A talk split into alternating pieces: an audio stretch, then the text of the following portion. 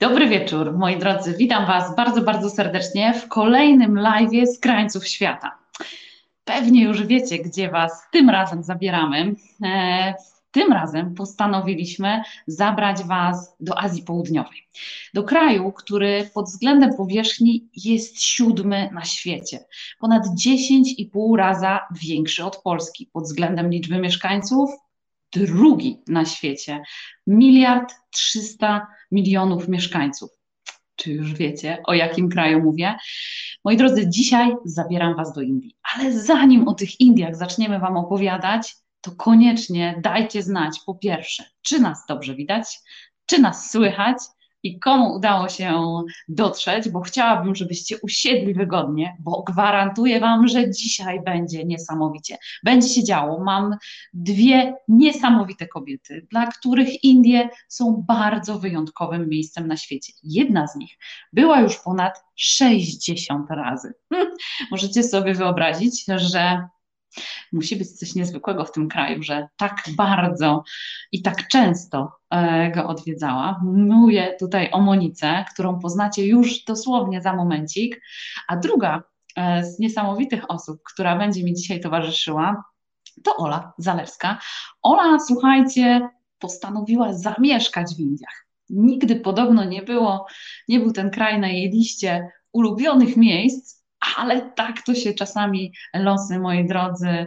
E, dzięki super Paulinko za informację, że nas słychać. Jest i Marta z nami. Dobry wieczór, witam serdecznie. Jest Marzenka, witam Cię, moja droga, niesamowita kobieta od ziołowych przyjęć. Słuchajcie, jest i Klaudia, dobry wieczór. Witam Cię, moja droga, bardzo, bardzo serdecznie. Super, jest i druga Klaudia, która mówi, że mnie widać i słychać. To bardzo dla mnie istotne. Moi drodzy, za oknami na dworze zrobiło się już chłodno. Dość szybko robi się ciemno i dzisiaj mamy 1 grudnia.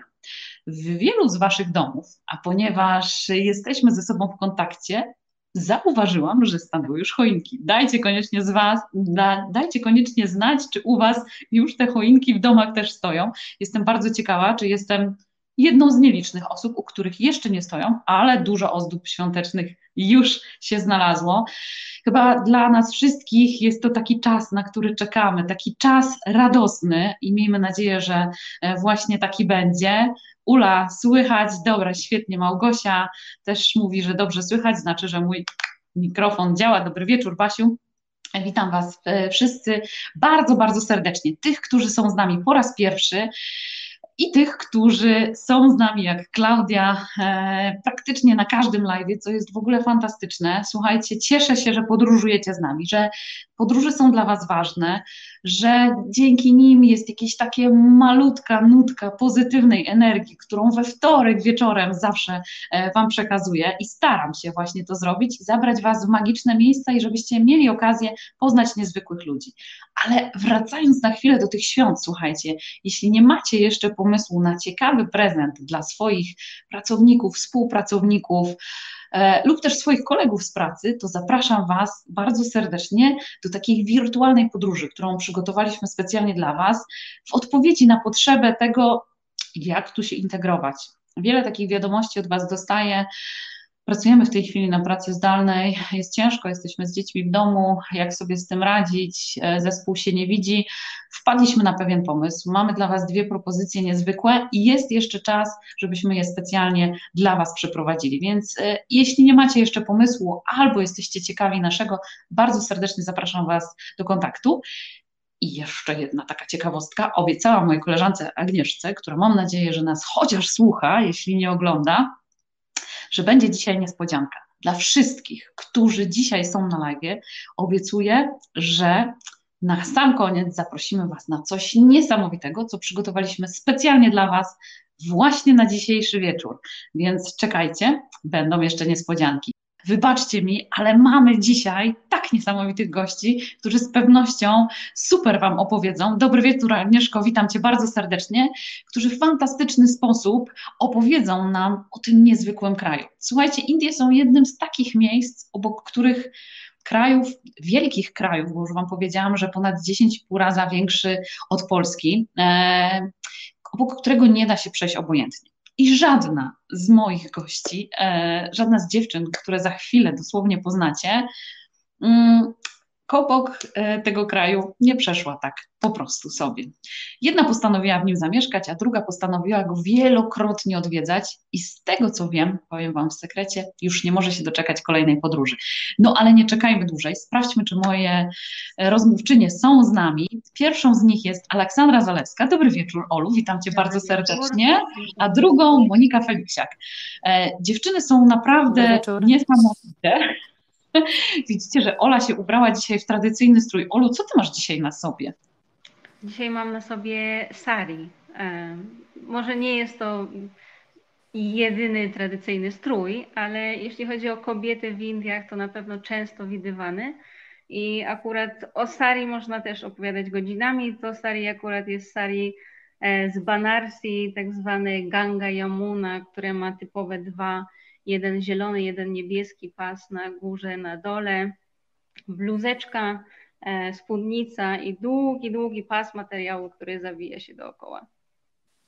Przepiękne stroje. Ja Wam powiem tylko, zanim zaczniemy, pewną anegdotę. Jak się przygotowywałam do pierwszego wyjazdu do Indii, spotkałam się z kolegą, e, który mieszkał w Poznaniu i spotkaliśmy się i zaczęliśmy rozmawiać. Ja mówię, słuchaj, jestem bardzo ciekawa, bo już trochę mieszkasz w Polsce, jak Ty widzisz nas Polaków versus jak my pojedziemy, co ja mam opowiadać mojej grupie, bo to tak najlepiej z pierwszej ręki takie informacje. No i pamiętam, że on tak usiadł i powiedział, wiesz co, pierwsza rzecz, która mi przychodzi do głowy, to to, że Wy jesteście tacy bardzo smutni. I tak pierwsze, wiecie, oburzenie, ale jak my smutni, o co w ogóle kolesiowi chodzi?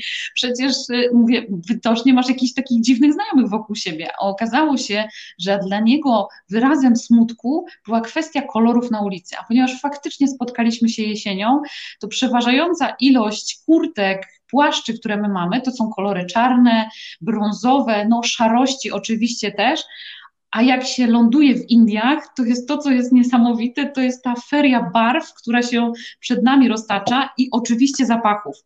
E, Moniko, pierwsze pytanie mam do Ciebie. Chciałabym, żebyś powiedziała nam, dlaczego Twoim zdaniem te Indie są takie niezwykłe? Ja już zaczęłam mówić, że nie da się obok nich przejść tak obojętnie. One robią wrażenie absolutnie na każdym. Oczywiście na każdym trochę inne, ale dlaczego Twoim zdaniem one są takie niezwykłe? E, przede wszystkim namaste, dobry wieczór, witam wszystkich jeszcze raz bardzo serdecznie. E, myślę, że niezwykłość Indii przejawia się przede wszystkim w tym, że są one niesamowicie różnorodne, niesamowicie kontrastowe i właściwie każdy z nas jest w stanie znaleźć tam e, coś dla siebie. Każdy z nas znajdzie dobry powód do tego, żeby podróżować do Indii. I druga taka, myślę też bardzo ważna rzecz w podróżowaniu, bardzo, bardzo ważny element to jest to, że jest to destynacja całoroczna. Myślę, że w większości z nas e, Indie kojarzą się z, takim, mm, z, tak, z taką częścią właściwie Azji, która dobra jest w momencie, kiedy u nas jest zimno i E, mamy ten taki naj, naj, najsłabszy właściwie e, okres w roku, kiedy już liście opadną, zrobi się bardzo zimno, śniegu jeszcze nie ma, więc e, dzień jest coraz krótszy, noc coraz dłuższa, temperatury są takie nieprzyjemne i, i wtedy by się miało wrażenie, że, że jest ten najlepszy moment. A okazuje się, że Indie są tą destynacją, którą można odwiedzać przez cały rok, bo przecież to, to jest kraj, który opiera się w północnej części o najwyższe góry świata, o Himalaje a na południu, kiedy, kiedy dotrzemy na, na krańce południowe, mamy klimat tropikalny, mamy fantastyczne e, plaże południowych e, krańców Indii, ale mamy też archipelagi wysp, o których też myślę, że no, niewielu właściwie z nas kojarzy sobie te wyspy z Indiami, bo to są Andamany i Nikobary. Także tutaj mamy niesamowitą różnorodność, niesamowitą, e, niesamowite kolory, niesamowite doznania. No i e, właściwie nieograniczony wachlarz możliwości, jeśli chodzi o mm, zwiedzanie, bo, e, no właśnie, bo, to, bo to nie. Ale to, no. to, a propos tego zwiedzania, bo to jest y, gdzieś tam e, kolejne pytanie, do którego chciałabym przejść. Natomiast faktycznie to, co Ty powiedziałaś o Indiach, dla niektórych osób, które się dobrze do tego nie przygotują lub też nie są dobrze wprowadzone, bo takie jest też za, zadanie pilota, przewodnika. Ty od wielu, wielu lat jesteś e, pilotem wycieczek i powiedz jedną rzecz, zanim przejdziemy do tego, jakie atrakcje, to czy Indie to jest taki kraj, który trzeba, warto y, zrobić z biurem podróży, z przewodnikiem, z, y, z pilotem? znaczy tak, ja uważam, że warto, absolutnie warto to robić z organizatorem turystyki. Czy to będzie mm, biuro podróży, mniejsze, większe, E, warto jest e, troszeczkę jakby podnatrudzić się i znaleźć e, osoby, które rzeczywiście w tym temacie są chociaż troszkę obeznane. Dlaczego? Dlatego, że jest tam tak wiele różnych zmiennych, które mogą pojawić się w trakcie trwania podróży, że czasami po prostu nawet chcąc się bardzo dobrze przygotować do wyjazdu, sprawdzając w internecie, w książkach, no w różnych dzisiaj źródłach możemy to, takie informacje pozyskać, nic nie zastąpi tego niż takiej właśnie praktyki. Ja powiem, powiem szczerze, że e, kilka razy podróżując sama po Indiach, właściwie zawsze korzystałam z e, pomocy biur podróży. E, może mi było o tyle łatwiej, że, że też troszeczkę mam tych kontaktów tam na miejscu, też z przewodnikami, z, z pilotami tam miejscowymi i łatwiej mi było te własne podróże sobie tam organizować. E, natomiast mając na przykład do dyspozycji 14-16 dni e, urlopu, tak, bo no my też w normalnych czasach niepandemicznych e, nie mamy zbyt wiele czasu wolnego i czasu dla siebie, jeżeli, jeżeli mocno poświęcamy się tej pracy. I później no po prostu szkoda mi każdego dnia. Ja mam określony plan, chcę zobaczyć jak najwięcej, chcę cieszyć się tym wyjazdem, nie martwiąc się o to, czy jutro, pojutrze albo za trzy dni będzie kolejne połączenie, na przykład daleko w Himalajach, czy na polu mhm. namiotowym mhm. będzie wystarczająca ilość e, wolnych namiotów, w których można się przespać, bo inaczej po prostu tam nie dotrę czy e, pozwolenie, które będę miała, szczególnie te, te, te, regiony, które są tam wysoko w górach położone, będzie ważne na ten czas, kiedy, kiedy mam zamiar tam, tam pojechać. Także jest tak wiele zmiennych, jest tak wiele różnych rzeczy, o których właściwie nawet nie myślimy przygotowując się do podróży do Indii. Także ja myślę, że absolutnie warto jest e, skorzystać e, z pomocy kogoś, kto już w tych Indiach był albo kto się w tym specjalizuje. I tak jak mówię, no ja sama też e, wielokrotnie jeżdżąc sama, też opierałam się na doświadczeniach tak, ale osób, które już były. No to też do końca nie wynika z kwestii pewnie bezpieczeństwa, ale do tego sobie na pewno jeszcze dojdziemy. Olu, powiedz mi, no bo już wiemy, że są różnorodne, już wiemy, że są kolorowe, patrząc na Ciebie zresztą już od razu nawet mamy odpowiedź, mimo że się nawet nie umawiałyśmy na to, w jakich kolorach dzisiaj będziemy, a zobaczcie, że mamy ferię barw, każda z nas jest w zupełnie innym kolorze. I tak jest właśnie na ulicy, jak się ląduje e, w Delhi, no bo chyba to jest zwykle taki nasz pierwszy kontakt z Indiami, 4,5 godziny różnicy czasu, e, trochę trochę dużo, trochę nie mało, więc y, Ola jest w tej chwili, słuchajcie, w Indiach, więc dla niej jest już nieco później niż dla mnie i dla Moniki. Prawie druga w nocy, ale dajemy radę. Natomiast y, ja się zupełnie z Moniką zgadzam i co do różnorodności. E, I tak jak powiedziałaś na początku, Indie dla mnie jak zaczynałam w ogóle podróżować, to był taki kraj zupełnie na samym samym końcu mojej listy. Dlaczego? Dlatego, że PR, który mają Indie e, w mediach w ogóle jest straszny. I mhm. jak się zaczyna te Indie nie od tej strony, co trzeba, czyli właśnie od oglądania, nawet z całym szacunkiem do Martyny Wojciechowskiej, ale strasznych dokumentów, które są z Indii e, i czytania niektórych książek o tym, jak strasznie tam wygląda życie, to potem człowiek ma takie poczucie, że hmm, to może zostawię to sobie na później, bo tego jest chyba trochę za dużo. A potem ląduję w tych Indiach i nagle sobie uświadamia, że to jest w ogóle zupełnie inny świat, że właśnie te kolory, że ci ludzie przede wszystkim, bo nie oszukujmy się, że Chiny też są wielkie, Chiny też są różnorodne, ale ten kraj, Indie, to jest demokracja.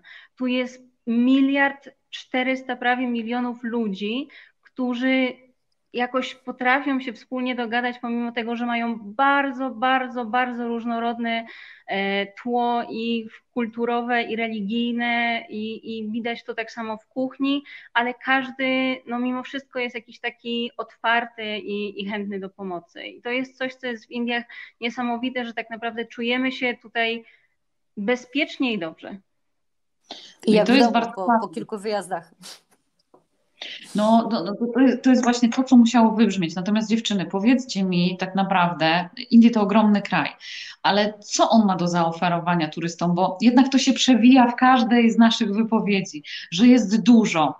E, nie lubię takich e, stwierdzeń, że jest wszystko, no bo tak, jest to różnorodny kraj, ale dlaczego? No, ja wiem, że też na to pytanie ciężko tak odpowiedzieć w, tak krótko i po prostu wypunktować, bo chyba znalezienie 10 top 10 w Indiach to dla każdego będzie coś innego, prawda? Natomiast. Myślę, że Monika powie na temat y, zabytków i jakichś takich punktów, które które na niej zrobiły duże wrażenie. Natomiast wydaje mi się, że ta różnorodność się przekłada w potrzebach tak naprawdę każdego, dlatego że jeżeli ktoś ma potrzeby jakieś, a w większości osoby, które tutaj docierają, na przykład duchowe, e, to ilość właśnie świątyń i różnorodność tych świątyń, jakby te rytuały, które są w tych świątyniach, plus e, te wszystkie punkty, gdzie tak naprawdę możemy udać się, żeby medytować, żeby uczyć się jogi, żeby zgłębiać ayurvedę, która jest no, medycynę chińską wiele osób zna, ayurvedę gdzieś kojarzy, ale nie wie, że tak naprawdę ta ayurveda jest do dzisiaj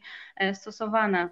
Mm, różnorodność hoteli, które mamy naprawdę od tak bardzo budżetowych, bardzo, bardzo budżetowych hosteli, po hotele, które naprawdę dorównują tym hotelom w Dubaju. No i przede wszystkim, tak jak z mojej perspektywy, jedzenie jeżeli jemy indyjskie jedzenie w Polsce, to nie mamy zielonego pojęcia o tym, jak smakuje jedzenie w Indiach. I dopóki się tutaj Ale nie Ola, przyjedzie. Jak rozmawiamy o jedzeniu, no bo ja wiem, że to jest taki temat, który będziemy z pewnością jeszcze zgłębiać, ale wielu kojarzy się kuchnia hinduska z kary. Po prostu ostro, wszystko takie pomarańczowe i czy takie faktycznie jedzenie jest? Dziewczyny, jak podróżowałyście po Indiach, Ola mieszkasz w Indiach, jak to jest Ola, to słuchajcie, wczoraj nawet wrzuciła w jednym ze swoich postów, że jadła sushi, więc w związku z tym ta kuchnia jest różnorodna. Ale jak to jest z tym jedzeniem? W, w Indiach. Nie no, Monika, jedzenia jest tyle, że po prostu każdy chyba znajdzie coś dla siebie i Monika na pewno Ale to jest mięso, że... czego my możemy się spodziewać przede wszystkim? E, to znaczy tak, słuchajcie, no przede wszystkim e, każdy region może pochwalić się jakimiś swoimi daniami i to jest, to jest coś absolutnie fantastycznego bo podróżując po, po Indiach, jak one długie i szerokie, tak y, no każdy region coś fajnego ma. Natomiast ja chciałabym od razu obalić ten mit właśnie ostrego jedzenia, absolutnie nie, y, niewkaszalnego, takiego brzydko mówiąc dla, dla Europejczyka czy dla Polaka. To, tak, schabowego nie będzie na pewno I, i o tym y, moi turyści wiedzą już jak lądujemy w Delhi, że, że schabowy będzie za 10, 14, 16 dni, jak wylądujemy w Warszawie na powrocie. Natomiast y, to, co jest moim zdaniem fantastyczne i ja się do tego już no, lata temu przyzwyczaiłam, to jest to, że jest przede wszystkim e, kuchnia wegetariańska. I po, co prawda, pochodzimy z kraju, gdzie tego mięsa jest dużo, ale tam absolutnie można spokojnie e, przez 10-14 dni, nawet 21, bo czasami są takie wyjazdy, e, bez tego mięsa przeżyć. Ja byłam na takich pobytach, gdzie przez 3 miesiące byłam w Indiach, nie jadłam mięsa w ogóle Czułam się potem jeszcze lepiej, bo się okazuje, że jak tego, tego mięsa nie jemy, to nasze Ja jestem wegetarianką, więc dla mnie to jest nasze, No, nasze samopoczucie po prostu jest coraz lepsze. Poza tym jest cała masa różnych bardzo prostych sposobów, żeby pozbyć się tego bardzo ostrego, ale też e, kuchnia południa na przykład e, bogata jest e, w sos z mleczka kokosowego czy wiórki kokosowe i, nimi można sobie osłodzić troszeczkę to jedzenie. Poza tym w tej, w tej chwili w Indiach jest tak, że nawet na północy zjemy dobre dania z południa kraju. Masala mhm. dosa to jest coś absolutnie fenomenalnego. Zwykły, prosty placek, taki smażony, jak troszeczkę jak naleśnik, do którego są dodawane sosy albo takie fajnie zasmażone ziemniaczki z cebulką, z groszkiem albo z ciecierzycą. I do tego jest słodki i ostry sos. W zależności od tego, co lubimy, używamy albo jednego, albo drugiego. Także no, tutaj ta, ta Ale tutaj jest są... też ważne zaznaczenie jednej rzeczy, że tak naprawdę skąd się wzięła w ogóle tradycja tego ostrego.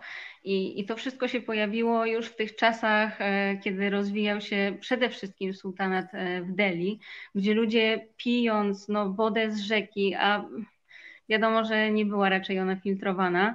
Po prostu mieli problemy różne żołądkowe i wtedy stwierdzono, no, że jedyna opcja, żeby to ten ich organizm oczyścić, to jest właśnie dodawanie tej masali, czyli takiej mieszanki ostrych przypraw. Natomiast nie zmienia to faktu, że no większość osób jednak po takim nawet ostrym posiłku zjada jakiś deser.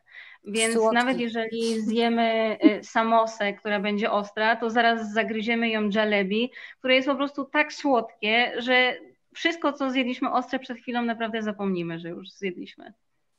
Okej, okay, to, to, to, to jest bardzo ważne, żebyśmy my pewne mity dzisiaj obaliły. Taki mam też między innymi cel tej naszej rozmowy, bo to, ta ostra kuchnia jest jednym z takich tematów, który się bardzo często przewija, że pojedziesz i nie będziesz miał nic do jedzenia przez, naj, przez najbliższe dwa tygodnie, tydzień, czy na ile się wybieracie. Krócej nie rekomendujemy zdecydowanie, takie 10-14 dni to myślę, że idealny czas. Natomiast na pewno Indie nie są tym miejscem na świecie, tym krajem, który da się zaliczyć za jednym za, razem. Po prostu nie jest tak, że pojedziesz raz, odhaczasz, dobra, Indie zaliczone. No dobra, ale Monika, w takim razie, co warto zobaczyć i doświadczyć w Indiach? Dla osoby, która jedzie po raz pierwszy i nie miała wcześniej kontaktu z Indiami, e, a dwa, dla osoby, która lubi różnorodność. Chociaż to, o kilku... Mhm. Powiem Ci tak, spodziewałam się takiego pytania i tak już od, e, że powiem, od paru dni, kiedy, kiedy mamy te zapowiedzi naszego, naszego live'a, zastanawiam się, jak wybrać taki top ten indyjski. To jest e, strasznie trudne. Znaczy powiem Wam tak, pierwsza rzecz to jest, to jest e, może troszeczkę zaskoczenie, ale dla mnie Taj Mahal nie jest, nie jest tym topem.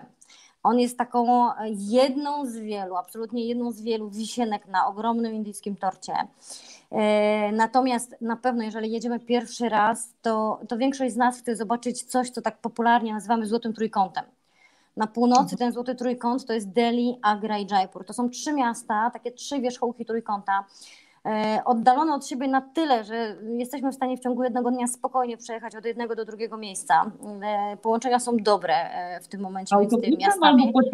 Mhm. Możemy jechać pociągiem, bo jeździ szybki pociąg, tak zwany Shatabdi, między, przede wszystkim między Delhi a Agrą, ale też i szybkie pociągi w tej chwili poruszają się w kierunku Jaipuru. Dlaczego? Dlatego, że Delhi jako stolica ma najlepsze połączenia w ogóle, także no, większość samolotów ląduje w Delhi. Połączenia, które mamy dzisiaj do, do Delhi z różnymi przesiadkami mm, są bardzo dobre.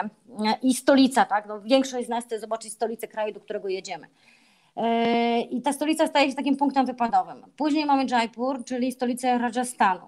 No i tutaj kolejny jakby taki top, dlatego że Rajasthan to jest region, który jest najlepiej poznany przez turystów, właściwie e, najlepiej rozwinięty pod względem turystycznym. I Rajasthan oprócz...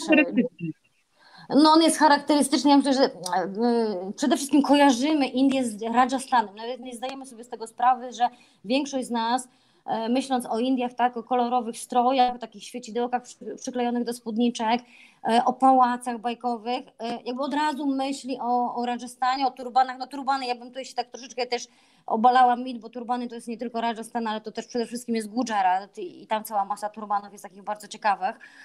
I są jeszcze Sikhowie, którzy chodzą w turbanach, więc te turbany się nam na kilka jeszcze rzeczy dzielą, ale to też na osobny, osobny w ogóle temat, osobny topik e, e, rozmowa o turbanach. E, do czego zmierzam? E, Jaipur jest wypadową do Rajasthanu I, i tutaj możemy zobaczyć, jak wygląda różowe miasto, przepięknie zachowana starówka, właściwie pierwsza tego typu planowo zakładana. Możemy zobaczyć e, pałac, który znajduje się wewnątrz miasta, możemy zobaczyć dwa forty poza miastem, E, i wiele jeszcze innych rzeczy, które są reprezentacyjne dla całego regionu. Natomiast warto poza tym Jaipurem jeszcze troszeczkę dalej wyjechać, e, bo moim zdaniem o wiele ciekawszym miastem w Rajasthanie jest Udaipur i Jodhpur. To są, to są kolejne takie dwa rajasthańskie topy. I już tak kończąc Złoty Trójkąt Północny, Agra, no bo Taj Mahal. Myślę, że większość z nas słyszała o Taj Mahalu i tutaj każdy przyjeżdżający pierwszy raz chce zobaczyć Taj Mahal ale nie zapominajmy, że wokół Agry są jeszcze inne obiekty. Z tym, że wszystko to, co jest dookoła Agry, to są obiekty, które mm, pozostają nam po panowaniu jednej zaledwie dynastii Wielkich Mogołów, która panowała w Indiach tylko 200 lat. A w indyjskiej historii 200 lat to jest kropelka w takim ogromnym oceanie. Także to jest ten złoty trójkąt północny. Natomiast ja mam absolutnie swój top, to jest dla mnie coś, co ja nazywam południowym złotym trójkątem. I może to zabrzmi egzotycznie, ale są takie miasteczka, które się nazywają Hampi, Patadakal, e, Aichol i Badami. I dla mnie to jest absolutny top, jeśli chodzi o Indię, dlatego że e, na niewielkiej przestrzeni mm, jesteśmy w stanie zobaczyć architekturę po pierwsze Hindu, czego na, czego na północy właściwie tak dużo nie mamy. E, architekturę Hindu od IX wieku po wiek XVI niesamowity przekrój i też miejsca, gdzie ta architektura nam się rozdzielała. Także dla kogoś, kto lubi architekturę, kto lubi coś zupełnie nowego, to jest po prostu miejsce absolutnie fantastyczne. Monika, no a mogę kolej... no. jedną rzecz, bo Proszę a propos mitów pewnych i rzeczy, które krążą, czy to jest fakt, że jeśli jesteś świadomy tego, że nie zaliczysz Indii za pierwszym razem, tylko będziesz chciał tam wracać, żeby poznać ten kraj, czy, południe, czy warto zacząć podróż od południa Indii ze względu na to, że no jednak ten styk z kulturą e, jest taki delikatniejszy, nie jest tak gęsto zaludnione południe jak północ? Czy to jest kolejny mit, który dzisiaj będziemy chciały obalić? Czy to właśnie nie jest tak? E, to znaczy, wiesz, to ja myślę, że jeżeli ktoś planuje e, pojechać więcej niż raz, to południe są fenomenalne. One są mm, takie mm, łagodniejsze, bym powiedziała. Mhm. Mniej zatłoczone. Te zabytki bardziej właśnie koncentrują się na tych hinduskich zabytkach. Mhm. Są fenomenalnie kolorowe. Kuchnia jest też e, o wiele bardziej taka przyjazna, bym powiedziała, dla turystów. Dodatkowo i klimat też sprzyja takiemu e, przyjemnemu wypoczynkowi, bo pewnie zaraz też będziemy mówił o tym, kiedy, kiedy, kiedy do tych Indii jechać w, ogóle najlepiej byłoby. E, także południe też jest świetne, natomiast no ja, ja ze swojego doświadczenia, ponieważ no tak skromnie, nieskromnie mówiąc, mam taką grupę y, osób, które już ze mną były raz, dwa, a niektórzy nawet byli trzy i cztery razy. Już widziałam, że też się pokazywali tutaj, że, że są też, też z nami. E, Dajcie znać, kto to był z Moniką i jak się z nią zwiedzali. Właści, właściwie y, każde miejsce jest dobre, żeby zacząć. Tak? Jeżeli tylko określimy sobie, co chcemy, co chcemy chociaż tak w przybliżeniu, co chcemy zobaczyć w tych Indiach. I musimy otworzyć się, otworzyć się na zupełnie nowe rzeczy. Także tutaj, czy to będzie północ, czy to będzie południe, jeżeli chcemy więcej niż raz pojechać, to i jedno i drugie będzie dobre. Tylko, tylko żebyśmy to w miarę świadomie robili, tak? I tylko widzicie, skończę jeszcze tylko, tylko jakby wątek. Y, ja uważam, że jeszcze takim, no, takim miejscem, które mm, warto zobaczyć, a jest bardzo kontrowersyjne, to jest Varanasi. Benares, Kansi, jak zwał, tak zwał, bo miasto ma, ma wiele nazw to jest to miejsce, gdzie mm, można właściwie w ciągu jednego dnia, od, będąc od wschodu słońca do zachodu słońca nad Gangą, i, i skutecznie, że tak powiem, konsekwentnie będą mówiła Ganga, a nie Ganges, można nad świętą rzeką, boginią matką zobaczyć praktycznie całe Indie, bo to, to jest jedno miejsce właściwie w całym kraju, do którego zjeżdżają Hindusi z absolutnie całych Indii. Przynajmniej raz w życiu każdy powinien tam być. Także to jest niesamowite miejsce, ale też e, trzeba troszeczkę się na nie przygotować. I też Wam powiem, że ci, którzy podróżowali ze mną i to Varanasi było na samym końcu zwiedzania, na początku pytali, dlaczego my nie jedziemy od razu tam? E, dlaczego nie lądujemy w Delhi, a potem jakby możemy się przesiąść z samolotu do samolotu i polecieć prosto tam. E, w Varanasi dla nieprzygotowanego turysta albo takiego mega początkującego w Indiach może być zbyt dużym szokiem, po prostu. A jeżeli jesteśmy już tam tydzień, dwa, to przyjmujemy to myślę, że z większym zrozumieniem i okazuje się, że jest to miejsce absolutnie niesamowite, nie zostawiające absolutnie nikogo bez, bez wrażeń. Indię można albo kochać, albo nienawidzić, także tutaj tych, tak, tych bardzo często, bardzo uczuć często może być bardzo, bardzo dużo, także do tego Varanasi trzeba się przygotować i na pewno to jest coś, co, co warto zobaczyć. No i jeszcze chyba jedna rzecz, taka, o której też myślałam, że, że warto tutaj podkreślić jeszcze taką, taką jedną sprawę. Indie to są fenomenalne parki narodowe.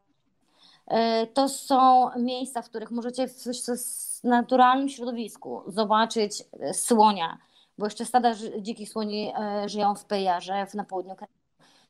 Jest kilka parków, gdzie można zobaczyć tygrysa. Ja kilkanaście razy widziałam tygrysa z odległości kilometrów, więc jest to coś, coś absolutnie niesamowitego. Są miejsca, gdzie można zobaczyć nosorożce, można zobaczyć białe lwy.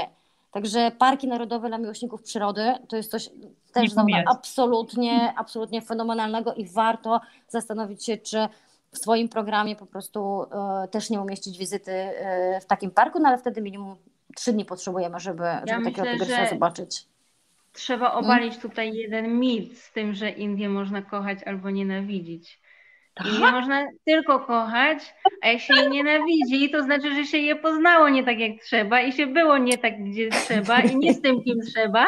I wtedy, jak już się pojedzie drugi raz, tym, kim tak, trzeba, to się wtedy dopiero pozna, co to są Indie. Nie, ale wiecie, to, to jest bardzo istotne, bo bardzo dużo się w tej chwili mówi o tym, e, z kim jedziesz, ma to znaczenie, jak będziesz to odbierał, ale jest kilka takich miejsc na świecie i Indie na pewno się do nich zaliczają, że trzeba się do nich przygotować. E, I teraz pytanie, czy masz czas zrobić to samemu, żeby ta kultura jest kompletnie inna od naszej i żeby otworzyć się na nią, trzeba pewnego przygotowania. I cały czas w każdej z naszych wypowiedzi się to przewija i ma to swoje podstawy, bo mamy już duże doświadczenie w tym, jak ludzie odbierają Indię i jak trzeba to robić etapami i powoli ich e, przygotowywać do tego, żeby, tak jak Monika powiedziała, coraz głębiej w tą kulturę e, i, i, i, i jak gdyby w, w, w to wchodzić. Natomiast wspomniałaś o kilku miejscach. Ola, e, w jaki sposób, jak w ogóle można się przemieszczać po kraju? E, czy komunikacja jest sprawna? Jak wyglądają drogi? O czym warto pamiętać? E,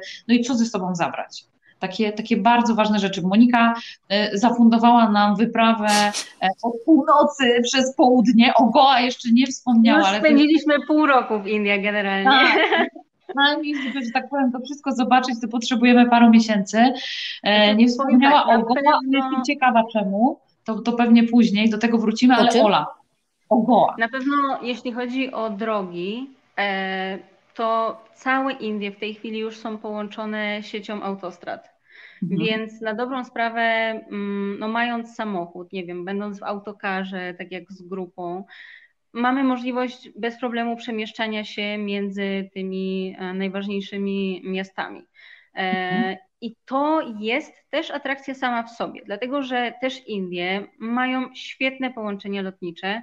I naprawdę mhm. można przelecieć wszędzie. na przykład ludzie często nie zdają sobie sprawy, że powiedzmy, żeby dotrzeć z Delhi do Bengaluru, w którym ja w tej chwili jestem, ile trzeba lecieć? Zagadka? Ja się nie liczę, tak? Nie to będzie pytanie konkursowe. To będzie pytanie konkursowe, bo to jest idealny czas na zagadkę. Ja myślę, że to jest dobre pytanie, bo naprawdę ludzie sobie nie zdają nawet e, sprawy, jak wielkie są te Indie i, i że Powiem tak, dojechanie pociągiem z Delhi tutaj do Bengaluru. Ale tak, to są... doprecyzuj to pytanie konkursowe. Mamy powiedzieć, jak długo się leci z Delhi do. Leci, jak długo się leci. Może... Okej, okay. E, natomiast pociągiem to są naprawdę dwa, dwie, dwa dni, dwie noce. E, więc to są odległości pokaźne, ale trzeba też pamiętać o tym, że każda taka mm, wyprawa, nawet e, autokarowa, e, samochodowa, to są możliwości, żeby zobaczyć wiele, wiele rzeczy po prostu po drodze.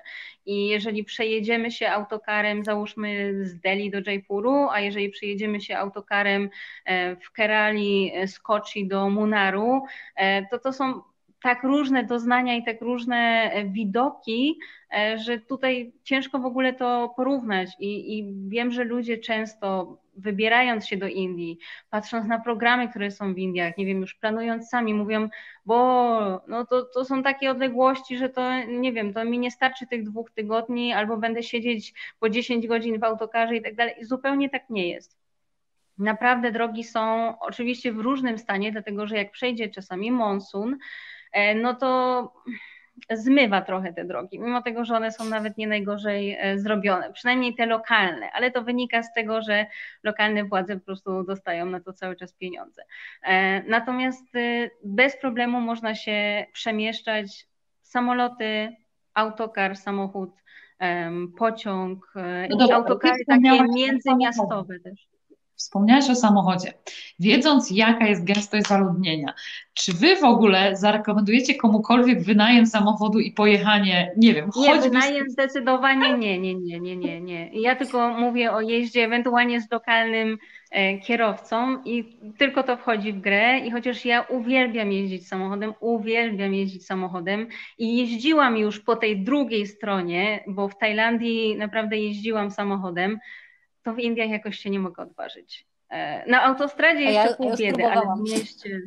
I co? W mieście To nie no, w Indiach generalnie jeżdżąc autem osobowym, to pierwsza rzecz jest ta, że y, na początku musisz przestać poszukiwać e, tej gałki do zmiany biegów, na, na, bo możesz drzwi otworzyć, bo siedzisz po prostu z innej strony, więc trzeba uważać na to. I cały czas później... E, zmywasz sobie szyby, bo nie wiesz, gdzie jest kierunkowskaz. Wiesz co, natomiast ten, natomiast później to już tylko patrzysz, co jest większe, bo jak jest coś od Ciebie większe, czyli krowa najczęściej, albo większe auto, no to ustępujesz, a jak coś jest mniejsze, no to wtedy trąbisz, tak? I po prostu szukasz sobie odpowiedniego miejsca, żeby przejechać. E, także mi w pewnym momencie już jazda Ale to jest dobrze. wyzwanie. Wiesz, to, to jest, absolutnie jest, na pewno. Ja pamiętam, jak moją mentorkę taką i przyjaciółkę wiozłam e, kiedyś e, jako pasażerkę właśnie, właśnie w Indiach jak już tam troszeczkę dłużej siedziałam mm, i, i, i Danusia mówi do mnie, wiesz, widzę, że już mocno tutaj jakby wrosłaś w ten klimat, bo mówi, bo sobie, ja sobie do tej pory nie wyobrażam, żeby tutaj jeździć autem, a ona pilotuje wycieczki do Indii dłużej niż ja i, i, zawsze była takim moim, takim właściwie moim mentorem, jeśli chodzi o Indię, także to było, to było coś. Natomiast powiem Wam od razu też, że ja, jeżeli jadę sama, gdzieś tak jak, nie wiem, jeździłam E, po, po Himalajach, czy po, po, po Sikhimie, czy po Darjeelingu, to absolutnie biorę auto z kierowcą. Wtedy po prostu masz spokojną głowę, e, podziwiasz widoki, robisz to, co, co, co jest fajne. No tak, bo tutaj nie da się jakby tego podzielić. Tak? I, i, I są też takie bardzo, bardzo fajne rzeczy, bo, bo jedna rzecz to są na przykład jeepy, którymi jeździ się w terenach trudnych, tak? Bo tutaj tych terenów trudnych to nie tylko góra, ale, ale to są, wiesz to Mahendra, ale, ale są też takie Mahendry, e, które kiedyś dla wojska były robione, niektóre takie jeepy jeszcze e, niektórzy zapaleńcy mają, więc, e, więc to jest dopiero zabawa, że po, po pustyni na przykład, po piaskach takimi, takimi jeepami jeździć. To też próbowałam, ale po 15 minutach byłam jak po prostu spocona całkowicie kręcąc kierownicą tam i z powrotem. Dobra, Laski, ale powiedzcie mi jedną rzecz. To jest tak, że większe odległości pokonujemy samolotem, Samolot, e, generalnie absolutnie. na mniejsze autokary, czasami też pociągi, bo to też jest atrakcja. Oczywiście też są różne klasy pociągów, bo to też trzeba jasno powiedzieć.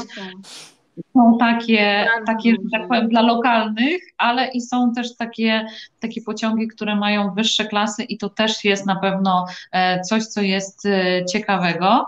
No dobra, ale teraz tak, my już Jak wiemy... się przygotować i co ze sobą no, zabrać. Znaczy, ale przede wszystkim przygotować no. się mentalnie trzeba i jakby przede wszystkim wyłączyć e, telewizję. Mm, myślę, że jakby jeżeli szukać już jakichś źródeł, przygotowując się do Indii, to skorzystać z jakiejś profesjonalnej bibliografii, a nie takiej, nie wiem, szeroko dostępnej, bo najczęściej, nie wiem, słyszy się na przykład o lalkach w ogniu, e, które Mm, są dobrą książką na pewno, ale wprowadzają człowieka w taki stan lekkiej traumy i już od razu jedzie do tych Indii z pewnym nastawieniem. Więc przede wszystkim to, co już powiedziała Monika, co wspominałyśmy wiele razy, wyłączyć głowę, nastawić się na odkrywanie, wyjść z założenia oczywiście, że całe Indie są ogromne, nie zrobimy tego na raz, wyjść z założenia, że tutaj nie jest lato cały rok, tylko trzeba sprawdzić, w jakiej porze jedziemy, bo nagle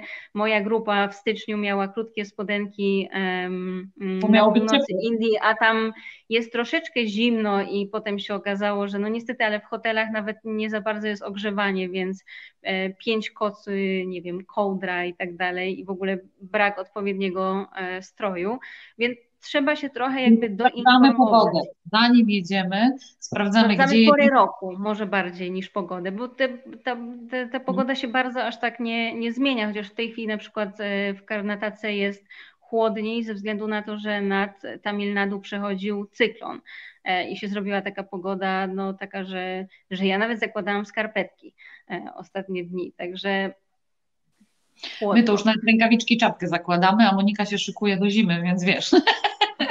Nie, Zresztą u, mnie za... śnieg jest, u mnie śnieg jest za oknem.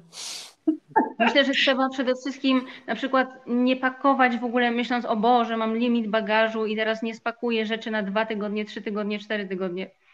Te rzeczy w ogóle nam nie będą potrzebne. Trzeba złapać naprawdę jakieś dwie wygodne podkoszulki, a resztę można sobie, jak sama wiesz, kupić na miejscu e, coś lekkiego, lokalnego, co będzie adekwatne do pogody, do klimatu, do kolorów, które tutaj są, tak żeby naprawdę nie przeładowywać się, dlatego że naprawdę hotele są dobrze wyposażone i bez problemu, nie wiem, suszarkę, dostaniemy szampon i wszystko e, inne, więc trzeba podejść do tego tak jakbyśmy jechali do każdego innego kraju, no nie wiem, w Europie e, mhm. czy do Stanów, że tu nie jest trzeci świat wbrew pozorom, e, tylko po prostu jest to kolejna jakaś wyprawa i możliwość zobaczenia czegoś, czego gdzie indziej się nie zobaczy, no tylko trzeba po prostu być otwartym.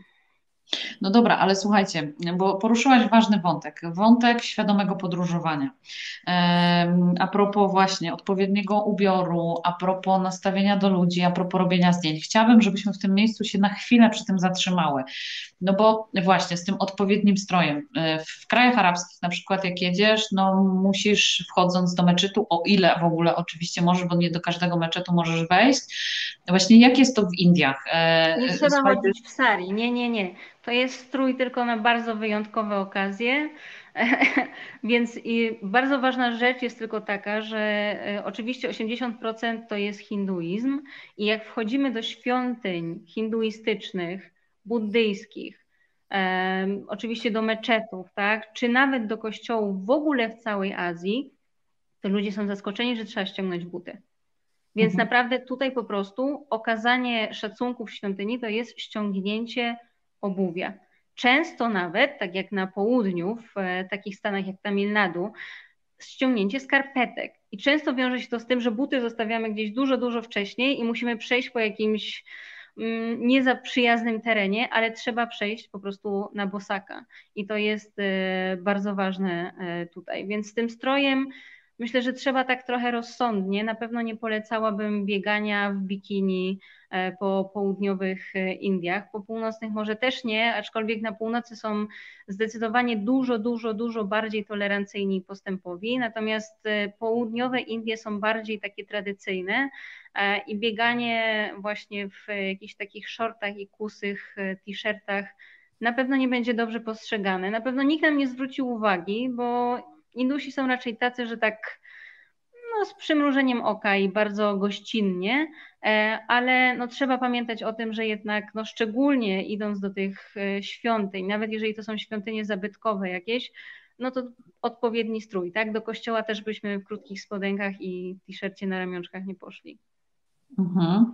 Monika, a propos świadomego podróżowania i tego, że ponieważ Indie są takie zaskakujące na każdym rogu, w każdym miejscu, jest to wszystko takie inne e, i, my chcemy tak wejść. I teraz pytanie, czy to jest tak na miejscu, żeby z takim aparatem prosto komuś przed twarzą, kamerą albo czymkolwiek, jak gdyby, czy macie tutaj jakieś doświadczenie, jakieś takie porady, które dajecie turystom, którzy z Wami podróżują po Indiach? E, bo ja zawsze wiem, że to jest taki jeden z ważnych punktów, na który warto zwrócić uwagę ludzi.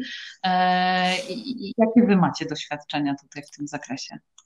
Wiesz co, to jest e, generalnie bardzo trudny temat, bo mm, e, jakaś grupa turystów, to, to, to absolutnie nie są wszyscy, ale w każdej grupie zdarzy się ktoś, kto za wszelką cenę chce zrobić zdjęcie w każdym jednym miejscu. Mhm. E, I, I to jest w tym momencie mega trudne, dlatego że e, od samego początku w jakiś sposób trzeba tym ludziom tłumaczyć, że jesteśmy tutaj gośćmi, tak? Jesteśmy gośćmi i to my się mamy dostosować do lokalnych zwyczajów, tradycji i uszanować je, chociaż nie wiem, jak bardzo wydawało nam się egzotyczne jak bardzo atrakcyjne mogłoby być zdjęcie, że pewne sytuacje po prostu powinniśmy uszanować. I na pewno cała e, jakby taka grupa miejsc, gdzie, gdzie zdjęć nie robimy, i tutaj Ola też na pewno przyzna mi rację, że przynajmniej południe w większości świątyń strefa sakrum to jest, y, to jest strefa, w której po prostu zdjęcie nie robi. E, to nie, do niektórych nawet nas nie wpuszczą. No, do niektórych, do niektórych nas nie wpuszczą, natomiast to, to, to wszystko, co jest dookoła, tak, dookoła sakrum, e, po prostu, po prostu no, nie robimy tam zdjęć. Mhm. Poza tym jest coś, co e, przyjeżdżając do Indii Europejczykom wydaje się, że za, za takie, to brzydko to powiem, ale egzotyczne. Czyli e, wszystko to e, co związane jest z mm, e, kremacjami. To mhm. jest dla nas inne zupełnie, to jest kulturowo takie bardzo nieprzystępne, a z drugiej strony wydawałoby się, że fajnie by było chociaż jedno zdjęcie mieć z takim, z takim miejscem po prostu, gdzie przeprowadzona jest kremacja i tego absolutnie robić nie można. E. Myślę, że to wtedy trzeba też tak wytłumaczyć, e, jakby mm, próbować stanąć z drugiej strony, tak? Dla mieszkańców Indii mm, nasz sposób pochówku wydaje się w wielu momentach taki bardzo nieludzki.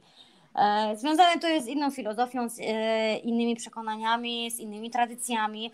No i jest jedno miejsce, gdzie absolutnie takich zdjęć nie robi, czyli Varanasi, Gatman gdzie płonie wieczny ogień, gdzie zawsze są, są kremacje prowadzone.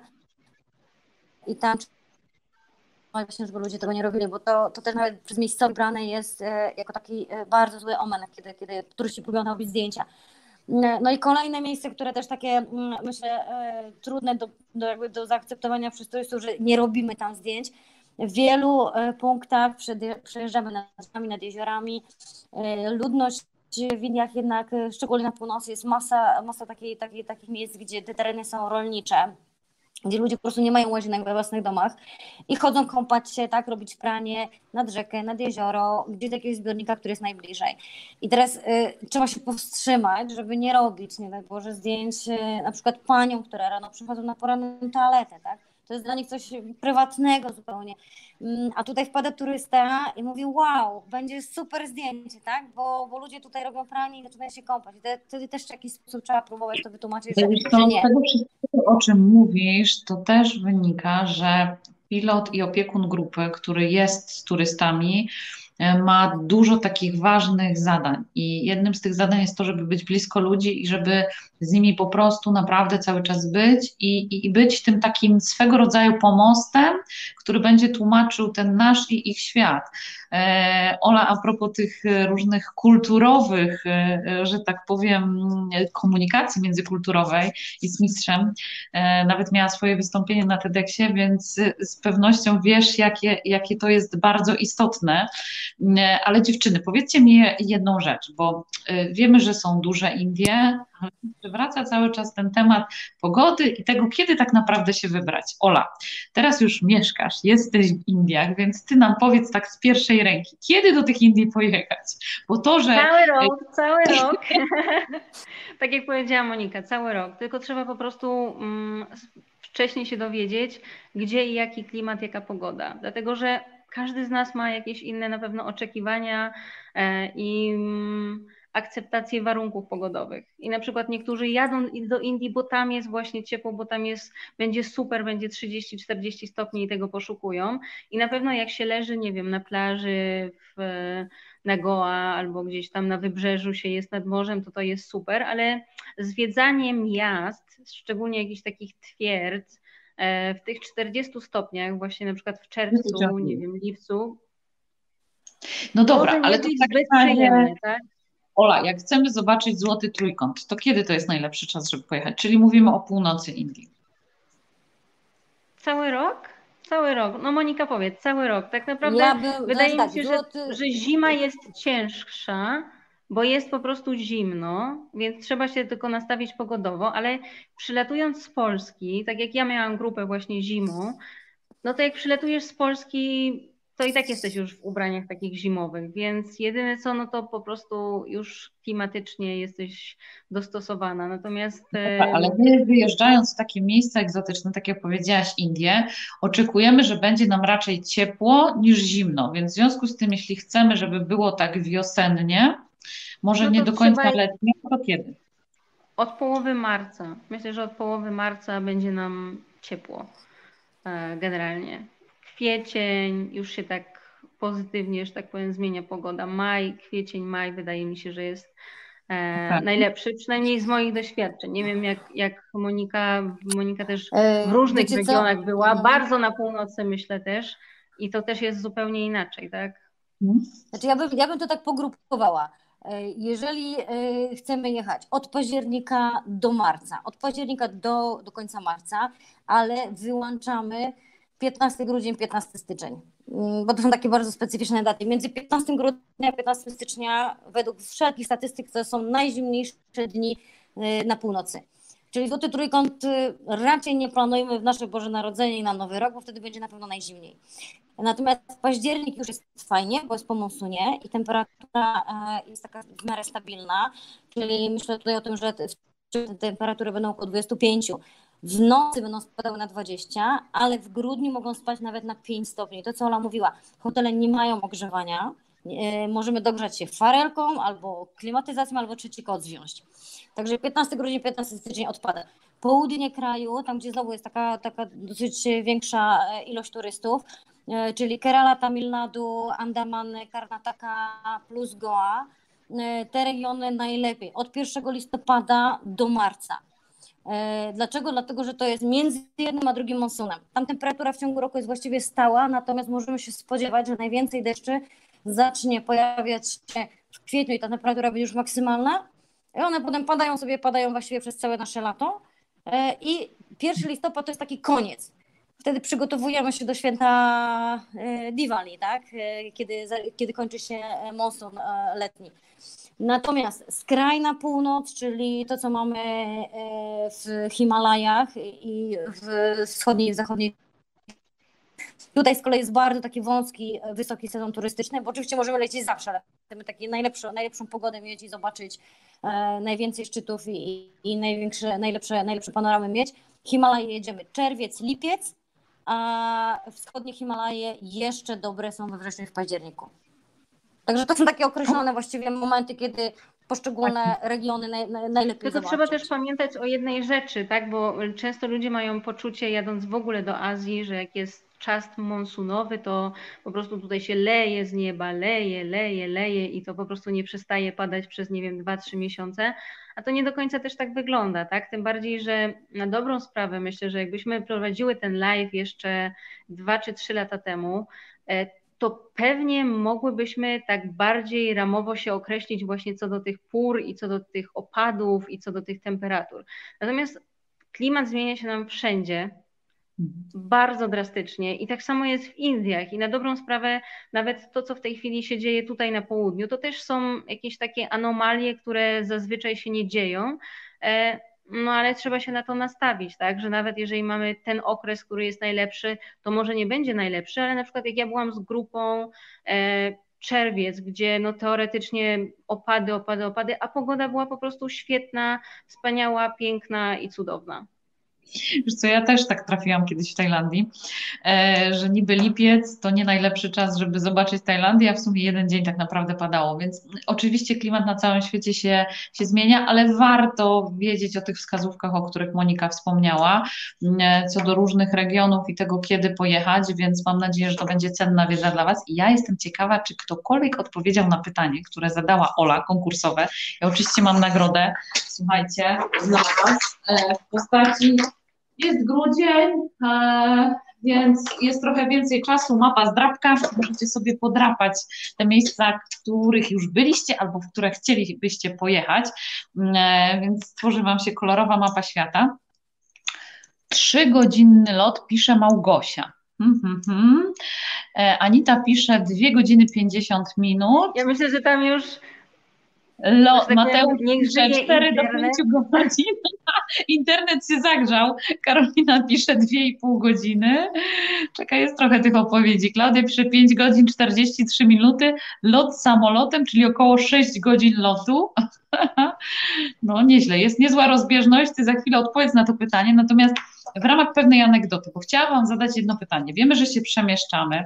E, oczywiście rekomendujemy zarówno wyjazdy takie w grupach zorganizowanych. Takie my polecamy najlepiej, dlatego że tak jak powiedziała Monika, my jesteśmy w stanie, Ania pisze jeszcze 5,5 godziny, jesteśmy w stanie wyłuskać te najciekawsze rzeczy, bazując na doświadczeniach i na tym, że już wielokrotnie widzieliśmy te Indie. Ale oczywiście można też się wybrać do Indii na taki wyjazd, tak zwane u nas w turystyce takie słowo, które krąży, czyli FI IT, czyli także takie wyjazdy szyte dla mniejszych zdecydowanie grup i osób i my oczywiście też takie e, przygotowujemy, więc zapraszamy Was serdecznie do tego, żebyście zadawali nam pytania, czy moim dzisiejszym gościom też absolutnie tak. Chętnie z pewnością podzielą się e, swoją wiedzą w tym zakresie. Natomiast dziewczyny, powiedzcie mi jedną rzecz, no bo tak, jadąc gdzieś, chcemy oczywiście spróbować kuchni. Już trochę obaliłyśmy ten mit, że ta kuchnia e, nie jest taka ostra. Ona jest przebogata, jest w ogóle niesamowita i za chwilę o niespodziance, którą razem z Olą przygotowałyśmy dla Was.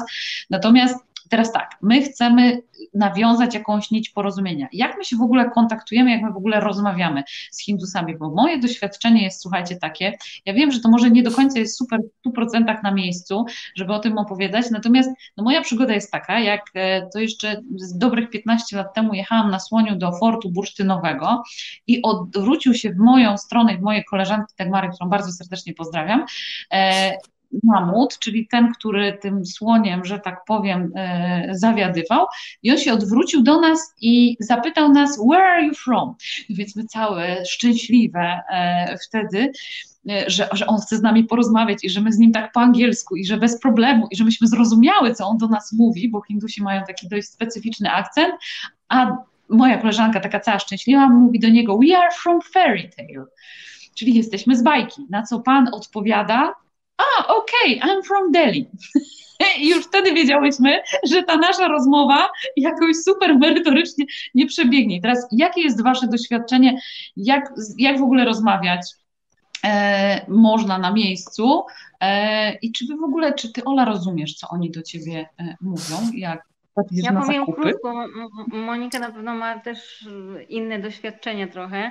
E, ja jeszcze pracowałam przez 2,5 roku w korporacji międzynarodowej i najpierw się nauczyłam hinduskiego, angielskiego przez telefon. Jak już człowiek się nauczy angielskiego, hinduskiego przez telefon, to potem jak już ich widzi, to już jest naprawdę dużo łatwiej. Więc doświadczenie jest takie, że no oczywiście byli tu Brytyjczycy, jest angielski, teoretycznie każdy trochę ten angielski rozumie, e, jak już zauważyłaś, ale wygląda to właśnie na tej zasadzie, że kiedy nawet mamy angielskiego przewodnika e, i grupa cała zna angielski, więc okej, okay, pani może sobie odpocząć, my tutaj będziemy z przewodnikiem. I po dwóch zdaniach przewodnika już jest taka konsternacja lekka i wszyscy potakują głowami, ale jak się zapytasz o co chodzi, to jest a co on powiedział, czy mogłabyś to przetłumaczyć? Więc generalnie jednak stosunku do tego, co powiedziałyśmy, tak, że wyjazd e, zorganizowany ułatwia zdecydowanie komunikację, bo ma się jednak e, kontakt z kimś, kto no, siłą rzeczy już się jakoś do tego przyzwyczaił. Chociaż przyznam szczerze, że teraz w czasach pandemii, kiedy każdy nosi tak po jedną, dwie czy trzy maski, jak się gdzieś idzie czasami, to naprawdę trzeba się bardzo skupić i bardzo przysłuchać, żeby zrozumieć, co oni do nas mówią. Monika, a jak ty sobie radzisz? Hmm, wiesz co, pierwsza rzecz jest taka. Ja myślę, że musimy wyjść z jednego założenia. Szekspir zostaje na okręciu, E, a my dojeżdżając do Indii, po pierwsze e, przy każdym nowym spotkaniu sprawdzamy, na ile ta znajomość angielskiego e, jest dobra u, u, kogoś, z kim chcemy się porozumieć. Dlatego, że komicznych sytuacji to, to że tak powiem, też nie starczyłoby nam czasu tutaj do, do północy, żebym wam opowiadała, jakie miałam. Najbardziej popularna taka sytuacja to są, to są hotele, gdzie na proszę o coś, e, na co bardzo grzeczni tutaj e, ludzie z hotelu mówią, jest ser. I w tym momencie ja mówię, słucham. E, czyli mówią po prostu, tak proszę pana, tak? Więc e, no, znajo- wtedy wiem, że, że ta znajomość jest Jeszcze robią prawda. do tego tak. tak. Albo na przykład nie odpowiedzą ci tak, tylko po prostu robią tak i ty wtedy się zastanawiasz, czy on to zrobi, czy on tego nie zrobi. Tak, najczęściej, najczęściej zrobią. Hindusi mają jeszcze to do siebie, nawet nie Hindusi, tylko Indusi, może tak to nazwijmy, że mm, oni chcą nam pomóc w każdej sytuacji, chcą nas zrozumieć i takie sytuacje e, też z życia wzięte. Ryksza, e, za 20 minut zaczyna się kolacja. Wiem, że powinnam e, jakby być na, na, moment, kiedy ta kolacja się zaczyna sprawdzić, czy wszystkie karteczki tak przy posiłku są dobrze rozstawione i, i czy, że moi turyści wiedzą, które będzie ostre, a które nie będzie ostre. E, I widzę, że tak, mam 20 minut, byłam z koleżanką na kawie i chcę jak najszybciej dostać się do hotelu. Wsiadam ryksza rowerową, mówię, dobra, dam człowiekowi zarobić, bo to też jest zupełnie też inny temat. Podaję nazwę hotelu, on mówi, tak, tak, jedziemy. No ale widzę, że pierwsze rondo jedzie dobrze, drugie rondo już tak bardzo klepie go w... No tak, zatrzymuje się koło bardzo samochodu. E, pokazuje, że proszę poczekać, tak? Za chwilę przychodzi kierowca z tego dobrze wyglądającego samochodu i płynną angielszczyzną mówi, e, bardzo panią przepraszam, ale e, proszę mi powiedzieć, e, gdzie pani chce dojechać, bo ten człowiek w ogóle nie zna angielskiego. Że jedna rzecz jest chęć jakby tak, ich e, komunikacji i, i jakby spełnienia naszych oczekiwań, druga rzecz, e, starajmy się mówić bardzo prostym angielskim. Poza tym też o, o, pamiętajmy o tym, że angielski to jest język, który jest językiem administracyjnym w Indiach, więc e, dla nas, dla turystów, kiedy przylatujemy dokumenty, jeżeli jakiekolwiek będziemy musieli wypełniać na lotnisku, w hotelu, gdziekolwiek indziej, one wszystkie będą miały wersję angielską, więc no, chociaż taka podstawowa znajomość angielskiego nam bardzo ułatwi sprawę. Indie mhm. mówią oficjalnie ponad 20 językami. I teraz tak, w szkołach e, państwowych w większości przypadków język angielski jest językiem dodatkowym, a język, e, którym, e, dzieci, w którym dzieci się uczą, to jest język obowiązujący dla danego regionu i tego może być bardzo dużo. Natomiast szkoły prywatne mają język angielski wykładowy, a ten język lokalny jako język dodatkowy. Więc tutaj też wszystko zależy od tego, no, z kim będziemy mieli do czynienia no ale mimo wszystko, Szekspir zostaje na Okęciu, a my bardzo prostym angielskim staramy się po prostu z nimi porozumieć i myślę, że wtedy już połowa sukcesu. Ola, a powiedz jeszcze, bo tak zaczęłyśmy z tym bujaniem głową, który jest bardzo charakterystyczny. Ty to robisz jeszcze lepiej niż ja, co jest cudowne. Natomiast w ogóle co to Wiecie, oznacza? Znaczy, śmiałam, że tak powiem, że to jest tak jak masz tego pieska takiego w samochodzie, że jak jedziesz, to on tak buja głową. Tak, tak. Znaczy generalnie to jest po prostu um, akceptacja, tak? Oni w zasadzie, no tak jak powiedziała Monika, oni raczej nie odmawiają. Oni zawsze chcą ci pomóc, więc jak prosisz o coś, to zawsze widzisz tak. E, I wtedy masz taki odruch, czy to jest nie, czy to jest tak, więc jednak zradziłabym się w ogóle dopytać, tak? Czyli tak, e, oczywiście po angielsku, bo inaczej mm, no oni zaakceptowali jakby to, co do nich mówisz, ale na przykład też niekoniecznie zrozumieli, co do nich mówisz. Więc oni ci mogą e, chcieć pomóc, ale chociaż wyrazili, że tak powiem, aprobatę, to mogli na przykład właśnie nie zrozumieć, e, czego mhm. od nich oczekiwałaś. Ola, a powiedz mi jeszcze jedną rzecz, bo ty masz e, coś, co ja absolutnie uwielbiam, co jest też takie bardzo charakterystyczne, pomijając fakt, że rozmawiałyśmy o stroju, ja nawet też się dzisiaj przygotowałam, słuchajcie, nie mam go wprawdzie na sobie, ale mam ze sobą sari, moje jest takie wyjątkowe i to, co mnie zaskoczyło, słuchajcie, to do rozmiaru S są takie wielkie spodnie, które się w ogóle nawet nie mieszczą w ekran. I e, jakbyście w trzech słowach powiedział o tym stroju i dlaczego on taki jest, to byłoby, e, to byłoby super. No i to małe nawiązanie do tego, co Ola masz między oczami.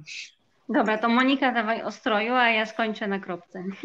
E, to znaczy tak, Punjabi to jest e, moim zdaniem fenomenalny strój. Ja tych Punjabi mam w kolekcji kilkanaście, bardzo różnych. Zasada jest bardzo prosta. To jest strój, który składa się z trzech części. Bluzka, czyli kurta, jeżeli jest letnia, to mamy krótki rękawek, jeżeli jest zimowa, jesienna, to najczęściej rękaw jest długi, e, ale to też może się troszeczkę od regionu różnić. Jeżeli jest lekka bawełniana, a często mamy fantastyczne w ogóle indyjskie bawełny, e, to ona też będzie na ten sezon e, letni. I ta bluzeczka powinna być taka troszeczkę dłuższa. Ona jest tak przynajmniej, przynajmniej nam, nam, nam, ma nam zakryć biodra. Mhm. Także z boczku mamy dwa rozcięcia.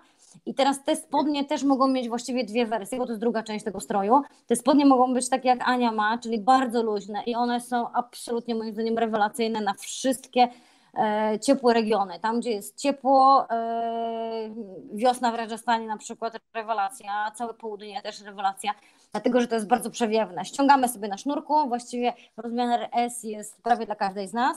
Mm, także też można tak sobie troszeczkę jakby no, XS na przykład wchodzę bez, problem, bez problemu XS, nigdzie w XS nie weszłam, a tutaj po prostu XS wchodzę i jeszcze jest luz zupełny. To jest fenomenalne i do tego powinna być chusta, bo, bo cały strój powinien mieć generalnie trzy, tak. trzy części. Natomiast ten dół, ten, no i teraz tak, tą chustę my z tą można... robimy, Monika, ale poczekaj, co my z tą chustą? Z chustą są dwa patenty. jest zbyt to znaczy, wiele, tak. to jest trudne pytanie. E, chust, chusta na dwa, takie dwa też naj, najłatwiejsze sposoby to jest tak, bo ją bierzemy po długości i kawałeczek zostawiamy z przodu, y, ogonki dajemy do tyłu i wtedy mamy takie, takie dopełnienie właściwie stroju. Ta chusta może służyć do zakrycia głowy, bo często kobiety wchodzące do wszelkiego Tak, rodzaju obiektów kultury, Że tak. to, to jest jedna opcja. Ona wtedy pięknie po prostu z tyłu tak nam tutaj delikatnie powiewa. Natomiast jak zbliżamy się do, na przykład do świątyni, obojętnie jaka to, jaka to będzie świątynia, do miejsca jakiegoś sakrum, delikatnie tą chustą zakrywamy sobie głowę i sprawę mamy załatwioną. Jak będzie chłodniej, to ta chusta jest doskonała na takie na przykład wieczorki, kiedy jest chłodniej, albo poranki, kiedy jest, kiedy jest chłodno. E, także ona ma też kilka właściwie różnych zastosowań. No i dół też może być tak, jak Ania pokazała, czyli ten luźny, ale też do mm, tego stroju mogą być takie spodnie, ale nasze takie leginsy, obcisłe, w zależności też od tego, jaka jest pogoda, co, co bardziej lubimy, ale, ale bluzka wtedy jest dłuższa. Ona, ona może nawet do ziemi sięgać. Okej, super. Więc jeśli chodzi o kropkę, to myślę, że tutaj No też e, potrzeba by było jeszcze kolejne przynajmniej pół godziny do godziny, żeby wytłumaczyć, jak, zgadzasz się ze mną Monika na pewno, jak działają różnego typu kropki, kreski i cała reszta e, symboli w Indiach. Więc mój jest taki, moja jest taka stricte dekoracyjna, że tak powiem, żeby pasowała e, do stroju. Natomiast e, taka właśnie najbardziej popularna tika, tilaka, Chodzi o to, że w hinduizmie wierzymy, że tutaj jest, mamy to trzecie oko. E, Więc e, tak naprawdę, kiedy wychodzimy z domu, kiedy idziemy do świątyni, e, dostajemy proszek, który najczęściej jest na bazie mm, kurkumy, tyle tylko, że mm, zabarwiony i albo sami, albo na przykład mama, babcia, ciocia, siostra robi nam właśnie ten znaczek tutaj na to, na tym trzecim oku, żeby jakby, no taki symbol trochę na szczęście, na powodzenie. Najczęściej jak właśnie jest po świętach gdzieś jakiś e, Diwali, jak wszyscy wracają gdzieś tam od rodziny do domu, to na lotnisku wszyscy mają po prostu wymalowane i one wtedy nie są takie estetyczne, bo te są takie bardziej, no, że można sobie namalować, nakleić i tak dalej, tylko bardziej takie, no... Mm, z grubego palca e, zrobione. I też jeden z takich popularniejszych to jest e, tutaj sindur, który malują sobie kobiety na czerwono e, zamężne. I też często jest to symbol właśnie, no jest to stricte związane z hinduizmem, tak, czyli mają to kapłani, bramini, hinduistyczni, albo mają trzy jeszcze kreski do tego do góry, jeżeli są wyznawcy Wisznu, albo trzy w poprzek, jeśli siwy i tak dalej, i tak dalej. No jest tego, tych elementów bardzo dużo, to prawda. Natomiast to jest coś, z czym nasi turyści też mogą się spotkać. Na przykład w hotelu na powitaniu, e, czy to na lotnisku, dostając girlandy z kwiatów, które też są jednym z takich symboli właśnie przy określonych świętach, czy to przy ślubach, prawda? E, ja Was zachęcam w ogóle, słuchajcie, żebyście zaglądali e, na profil Oli Atelier podróży, na którym jest dużo bardzo bardzo ciekawych artykułów. I Ola je naprawdę niesamowicie opisuje, takie właśnie z pierwszej ręki, co jest niesamowite. E, dla nas kompletnie inne, tak jak powiedziałam, natomiast dzięki temu też będziecie w stanie troszkę lepiej zrozumieć tą kulturę, ale z tym już jesteśmy oswojeni, że właśnie przyjeżdżamy i na przykład w hotelu na powitanie dostajemy ręczniki do obmycia, e, że tak powiem, dłoni i dostajemy też coś takiego na, na szczęście, jako, jako taka, taka, taka, takie dobre wprowadzenie jak gdyby do całej naszej podróży, więc z tym też możecie się spotkać, więc niekoniecznie tylko i wyłącznie w świątyni, ale w hotelu też jak gdyby takie e, elementy i miłe gesty się zdarzają. Monika, my, ja jestem przekonana i tylko pytanie, czy wy się wyrażacie zgodę, ale my z pewnością musimy się umówić na kolejne spotkanie. W sensie, żeby jeszcze zgłębić te Indie i żeby porozmawiać o tym, jacy są Hindusi, e, jak gdyby w jaki sposób e, funkcjonują. Mm, e, i jeszcze o tych kilku niesamowitych e, festiwalach, które są, bo przecież Indie to też niesamowite festiwale, na które Was w ogóle zachęcam, żebyście sprawdzając sobie i wybierając się w podróż, żebyście wzięli pod uwagę, bo ja podobnie jak Monika uważam, że warto być częścią e, tego typu wydarzeń, bo to w ogóle w jaki sposób zmieniają się miejsca, e, zmieniają się ludzie i bycie częścią takiego wydarzenia to jest coś, co na długo pozostawia niesamowite i bardzo pozytywne emocje. Ale Monika, my na to, na to spotkanie, Olu, jeśli wyrazicie zgodę, to zdecydowanie już teraz możemy zaprosić naszych gości. No bo tak, mamy tylko jeszcze... potrzebujemy zaplanować, to wiecie, za takie trzygodzinne przynajmniej, bo nie wiem, czy znowu w godzinę się wyrobimy. Ale my już będziemy pewne wątki po prostu kontynuować. Natomiast powiedz mi jedną rzecz, bo te Indie są bogate, one kojarzą nam się z zapachami, ze smakami, wspomniałyśmy coś o bawełnie, ale to, co ludzi zawsze też bardzo ciekawi, co z takich Indii można przywieźć? O. Jakie prezenty? To znaczy tak, wiecie co, ja y, no ponad 60, 60 razy E, w tych Indiach byłam i za, absolutnie za każdym razem mam problem z domknięciem walizki. E, nawet jeżeli wracam liniami, które dają mi możliwość 30 kg, to też ta walizka jest pełna, a bardzo często to, co mówiła Ola, no, zabieram minimum albo zabieram e, bardzo różnych podarunków takich dla, dla miejscowych, dla znajomych, rzeczy, które wiem, że oni bardzo lubią, a tam nie mają. Także takich rzeczy, które warto kupić, ja myślę, że jest całe mnóstwo. Pierwsza rzecz e, to jest, to jest rzemiosło. Tego w Indiach jest całe mnóstwo i e, tutaj e, to jest jakby z jednej strony plus tego, tego, tego kierunku, że jednak bardzo dużo różnych rzeczy robi się ręcznie. To są różnego rodzaju piękne figurki, to są piękne odlewy z południa. Tutaj Ola pewnie więcej jak do, dookoła siebie tych, tych odlewów ma, bo one, bo one w ogóle pochodzą z południa kraju. E, ale to jest i malarstwo miniaturowe. To są takie, takie rzeczy, które do tej pory e, po prostu rzemiosło przekazywane z pokolenia na pokolenie jest bardzo fajną e, pamiątką. Dla pań myślę, że tutaj no, warto, absolutnie warto. Kosmetyki naturalne, ajurwedowskie. Jest kilka różnych firm, które, które w tej chwili zajmują się e, odświeżaniem właściwie starych receptur i produkcją tych, tych kosmetyków, także e, część z nich oczywiście już jest dostęp, dostępna u nas, ale będąc tam myślę, że warto wykorzystać moment i, i coś fajnego tam kupić.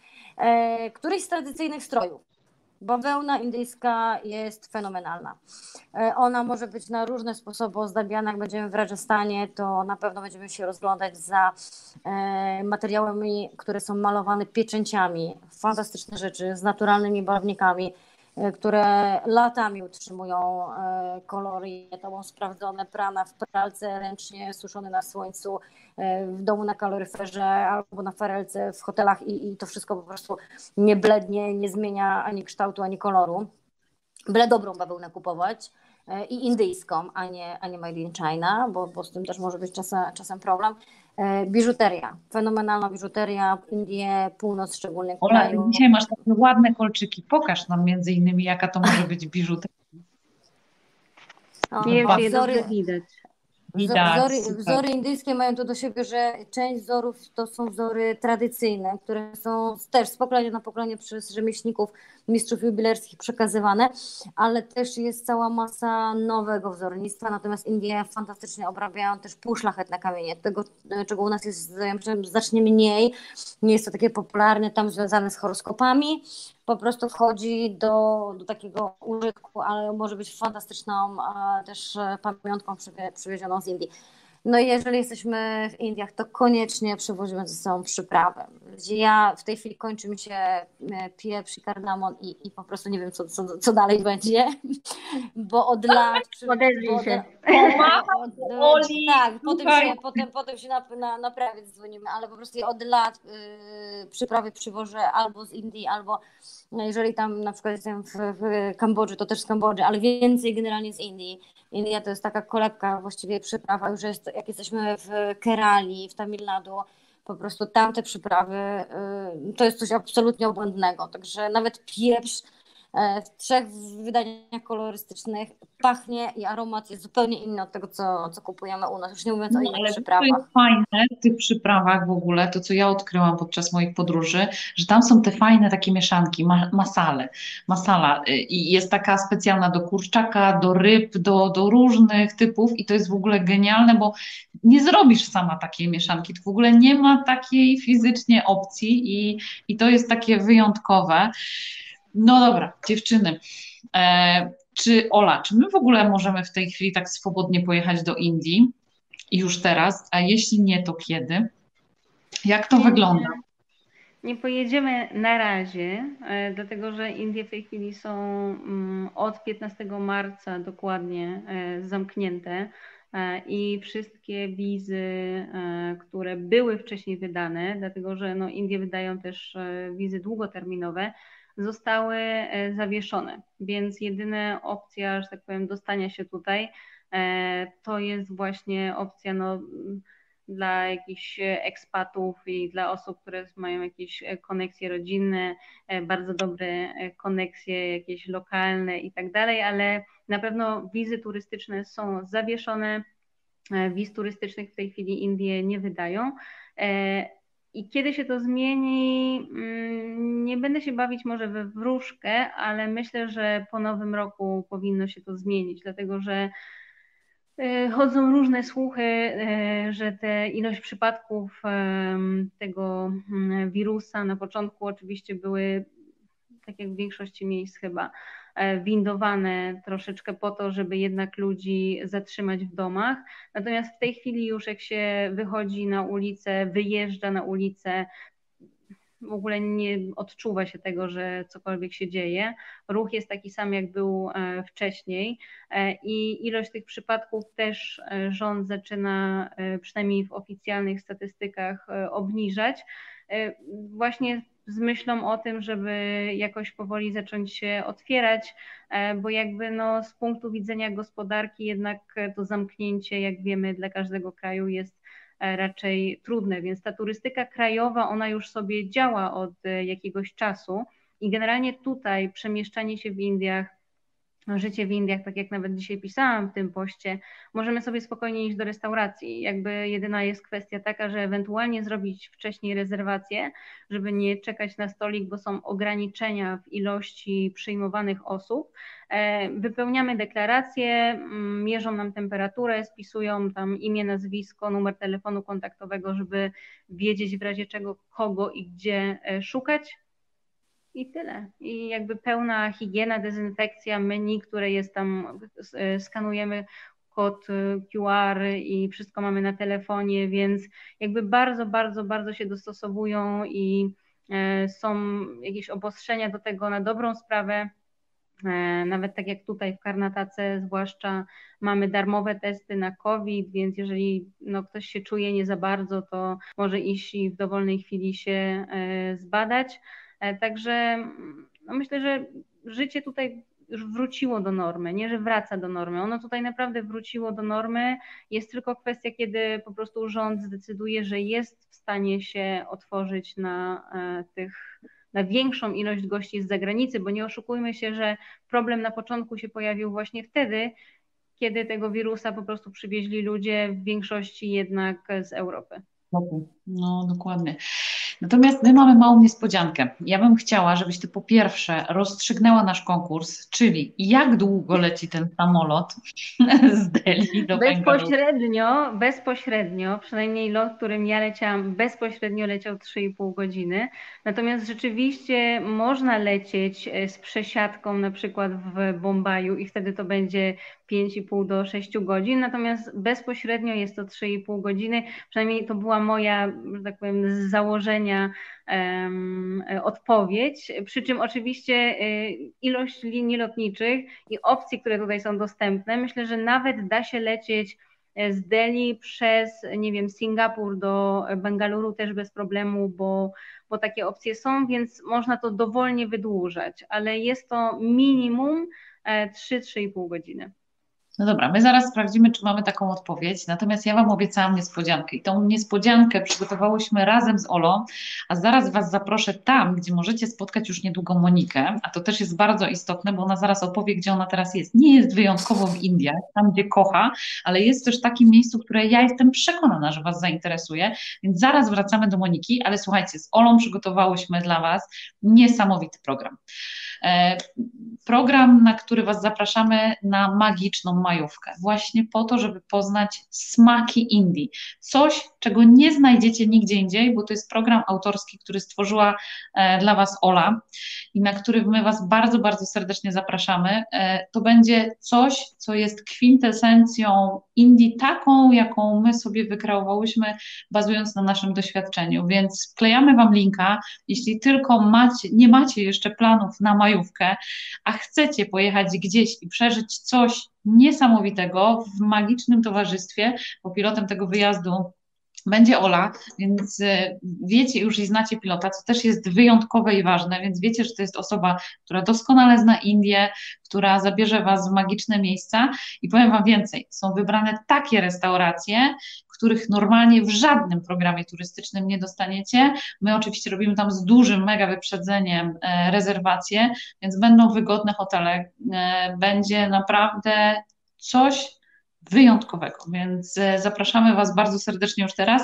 Program będzie dostępny oczywiście na naszej stronie internetowej, e, na stronie Atelier Podróży też możecie poczytać, więc możecie napisać do mnie, możecie napisać do Oli.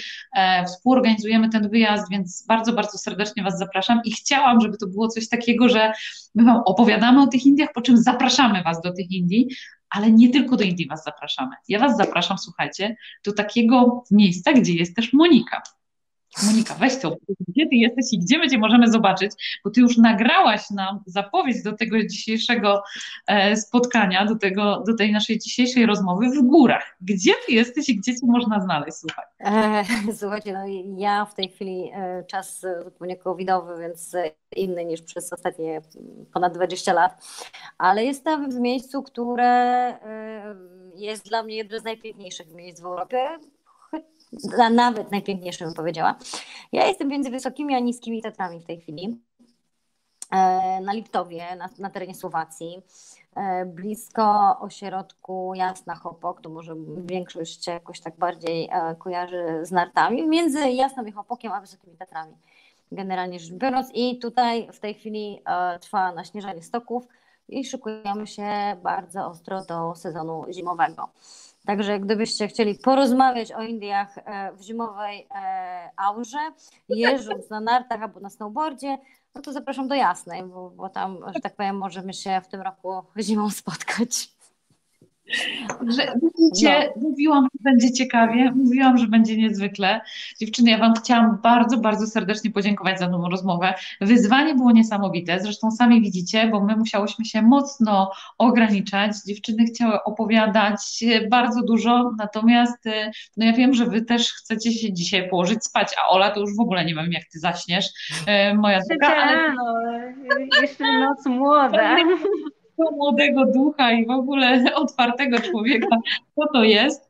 E, więc słuchajcie, bardzo, bardzo serdecznie Wam dziękuję. Zapraszam Was serdecznie na ten wyjazd. E, jeśli chcecie chociaż wirtualnie popodróżować, naprawdę niezwykłe miejsca takie jak Kuba, Meksyk, Grecja czy Hiszpania, to ja zapraszam Was do tego, żebyście swoim najbliższym współpracownikom, znajomym e, kupili taką magiczną tygodniową podróż z nami, w którą Was zapraszamy, bo stworzyliśmy coś takiego, lub też warsztaty tworzenia e, niesamowitych bombek metodą decoupage, czyli takiego, y, to jest nasza odpowiedź na taką integrację online'ową. E, ale to, co Monika powiedziała, Słowacja jest świetnie przygotowana, ona sobie naprawdę genialnie poradziła. E, wszyscy e, obywatele zostali przetestowani, mają pomysł na to, jak to zrobić. Stoki będą otwarte, miejmy nadzieję, że nasze granice też i będzie można pojechać na narty, bo my Was oczywiście też zapraszamy na narty. Będziemy na bieżąco wrzucać Wam informacje, bo przygotowaliśmy majówkę w Indiach. Przygotowaliśmy, słuchajcie, Nowy Jork i mnóstwo jeszcze innych fantastycznych rzeczy. Już niedługo pokażę Wam Turcję w zupełnie innej odsłonie, którą też właśnie szykujemy. Także mm, widzicie, bardzo dużo się dzieje. Zapraszam Was na nasz profil, żebyście byli razem z nami. Postaramy się wrzucić Wam mnóstwo informacji jutro. Szykujemy post właśnie o tym wyjeździe. Na atelier podróży już możecie o nim poczytać, e, właśnie tym naszym do Indii, ale my będziemy jeszcze e, Was informować e, I o tym. Cała, cała, cała seria artykułów, także które Was dobrze przygotują. Które Was dobrze przygotują, a my z Olą szykujemy jeszcze kilka takich materiałów, którymi będziemy Was zasypywać, tak żebyście byli przekonani, gdzie jedziecie i dobrze przygotowani, to co powiedziała Monika. I ona mi jeszcze przed dzisiejszą rozmową zwróciła uwagę, ale koniecznie musimy poruszyć ten temat, bo on jest bardzo ważny. To wprowadzenie do świata e, hinduizmu, buddyzmu i, i w ogóle całych Indii jest przeistotne, ważne i ja się z nią w 100% zgadzam, bo wszystkie grupy, z którymi wracałam, były takie, nie były przytłoczone, były oszołomione, były naprawdę takie pełne, dużego spektrum, które daje ten kraj i to jest bardzo istotne. Także jeszcze raz dziewczyny, bardzo Wam dziękuję za ten dzisiejszy wieczór, noc Ola.